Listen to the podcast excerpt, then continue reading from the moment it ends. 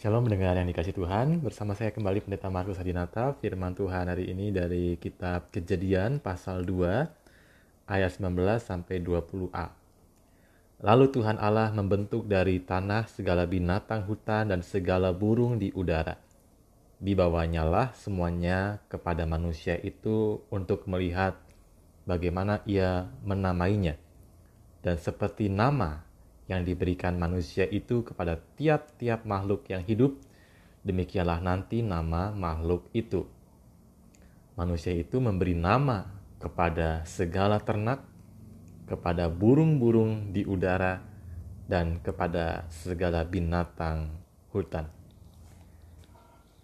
Dengan dikasih Tuhan, bagaimana atau apa yang kita rasakan ketika kita melihat ada seorang Kristen yang dia punya karakter yang baik, dia juga punya kemampuan melayani yang baik, dan juga komitmen yang sungguh. Tetapi ketika ada sebuah kejadian di mana ada kesempatan untuk berbuat baik, namun dia membutuhkan waktu yang lama untuk rapat, berdiskusi, menganalisa kesempatan itu, sehingga kesempatan berbuat baik itu menjadi lewat begitu saja. Atau ketika Anda melihat seorang Kristen yang rajin sekali bergereja, taat beribadah, melayani, tetapi suka mengkritisi gereja lain di luar gerejanya, baik itu mengkritisi cara, beribadah, pengajaran, dan juga apa yang menjadi program-program gereja lain itu. Mengapa mereka atau dia tidak belajar atau saling belajar dari kelebihan-kelebihan yang ada dari gereja-gereja yang berbeda.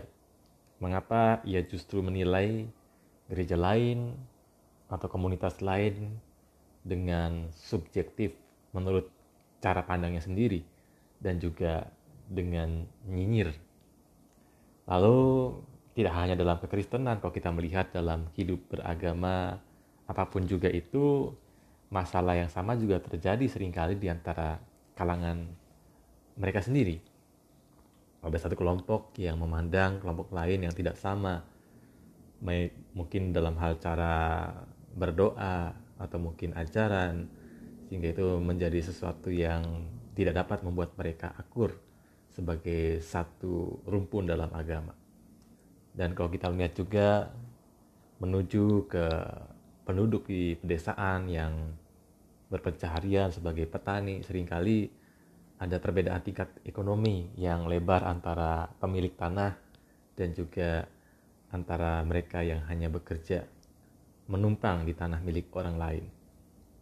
Dan kita melihat kehidupan orang kota yang sering kali sumber makanannya berasal dari desa, justru hidup berkelimpahan dibandingkan dengan orang-orang yang ada di desa. Yang dikatakan adalah apa? Bahwa kita hidup di tengah-tengah negeri yang begitu beragam, baik dalam hal agama, baik dalam hal keyakinan, tingkat ekonomi, tingkat pendidikan, suku, budaya yang begitu beragam. Tentunya ketika kita ditempatkan di negeri yang penuh dengan keragaman ini, Tuhan punya maksud tersendiri. Mengapa Tuhan menciptakan kepelbagaian? Dalam kitab kejadian yang tadi kita baca, di sana Tuhan Allah memberikan perintah kepada manusia untuk memberi nama segala binatang yang ada di hutan dan juga segala burung di udara. Dan uniknya manusia itu memberi nama kepada masing-masing binatang berbeda satu dengan yang lain. Ada berbagai macam jenis burung, tapi burung yang satu punya kicauan yang bunyi yang berbeda dengan burung yang lain, perilaku tingkah laku yang berbeda dengan burung yang lain. Nah, di sini kita bisa melihat bahwa manusia atau Adam itu disuruh memberikan nama pada masing-masing hewan itu. Apa pun yang dia rasakan tentang hewan yang berbeda, maka di sini Adam mengamat-amati, memandang, menghadapi mereka, dan kemudian memberikan nama pada hewan yang berbagai macamnya itu. Memberi nama berarti manusia atau Adam memahami ciri-ciri hewan itu. Dia tidak perlu merasa takut kepada mereka dan atas nama Tuhan ia menerima kekasannya masing-masing. Memberi nama juga berarti menumpahkan harapan. Ketika seorang ayah memberi nama Agung misalnya pada anaknya, maka tentu ia mengharapkan bahwa masa depan anak itu akan menjadi seorang laki-laki yang agung misalnya. Memberi nama juga berarti kita memahami. Saat seseorang menghadapi apa yang tidak dia ketahui, maka ia tidak bisa menamainya. Ia hanya bisa membandingkannya dengan benda lain yang sudah ia pernah kenal. Dengan memberi nama, maka sang pemberi nama memahami, mengenal apa yang diberi nama tadi. Memberi nama juga berarti menerima keberadaannya. Walaupun kita tidak selalu menyukai sesuatu, namun dengan adanya nama, kita mengakui keberadaannya. Maka dari kisah manusia yang memberi nama ini bisa disimpulkan bahwa hewan yang pelbagai yang bermacam-macam itu adalah bagian dari rencana Tuhan dalam mencipta alam semesta. Sama seperti pohon-pohon yang beraneka ragam juga adalah ciptaan Tuhan. Manusia yang beraneka ragam dari warna kulit, dari budayanya, dari Eh, bahasanya semuanya adalah ciptaan Tuhan.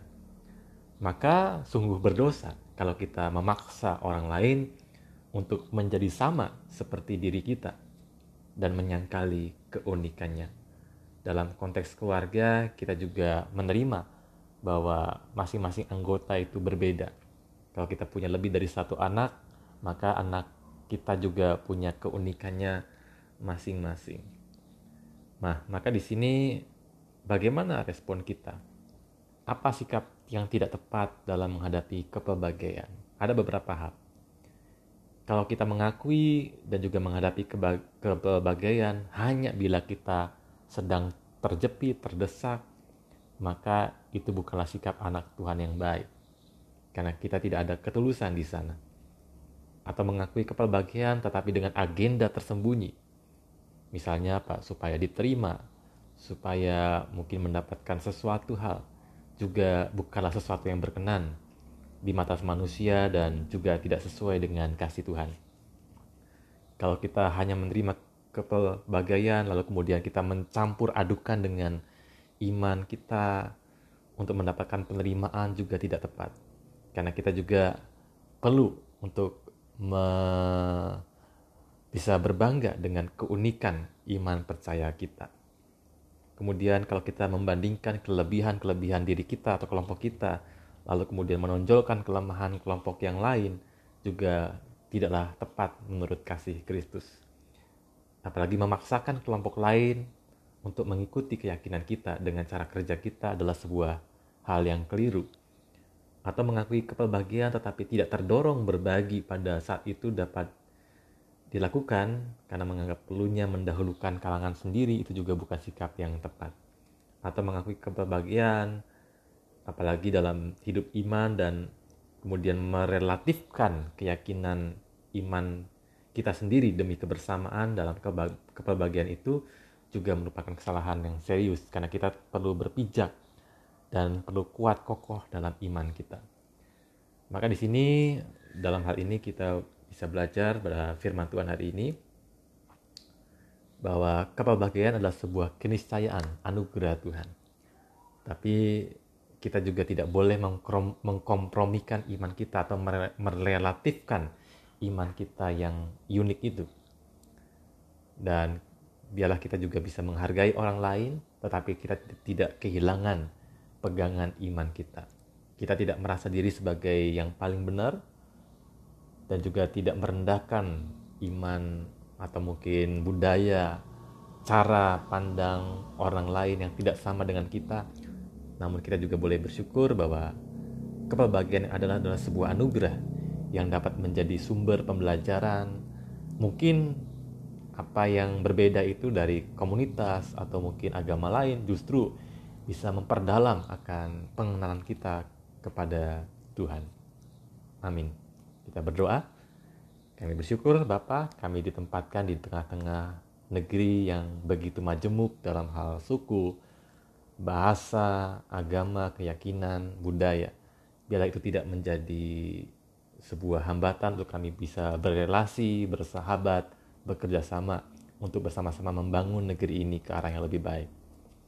Dan biarlah kami tetap berpijak pada iman kami kepada Kristus, sehingga kami pun dapat juga memberikan kontribusi bagi membangun Indonesia yang lebih baik, Indonesia yang lebih toleran, damai, dan bisa saling bekerja sama dengan masyarakat yang begitu majemuk itu. Terima kasih Bapak, dalam Kristus kami berdoa. Amin.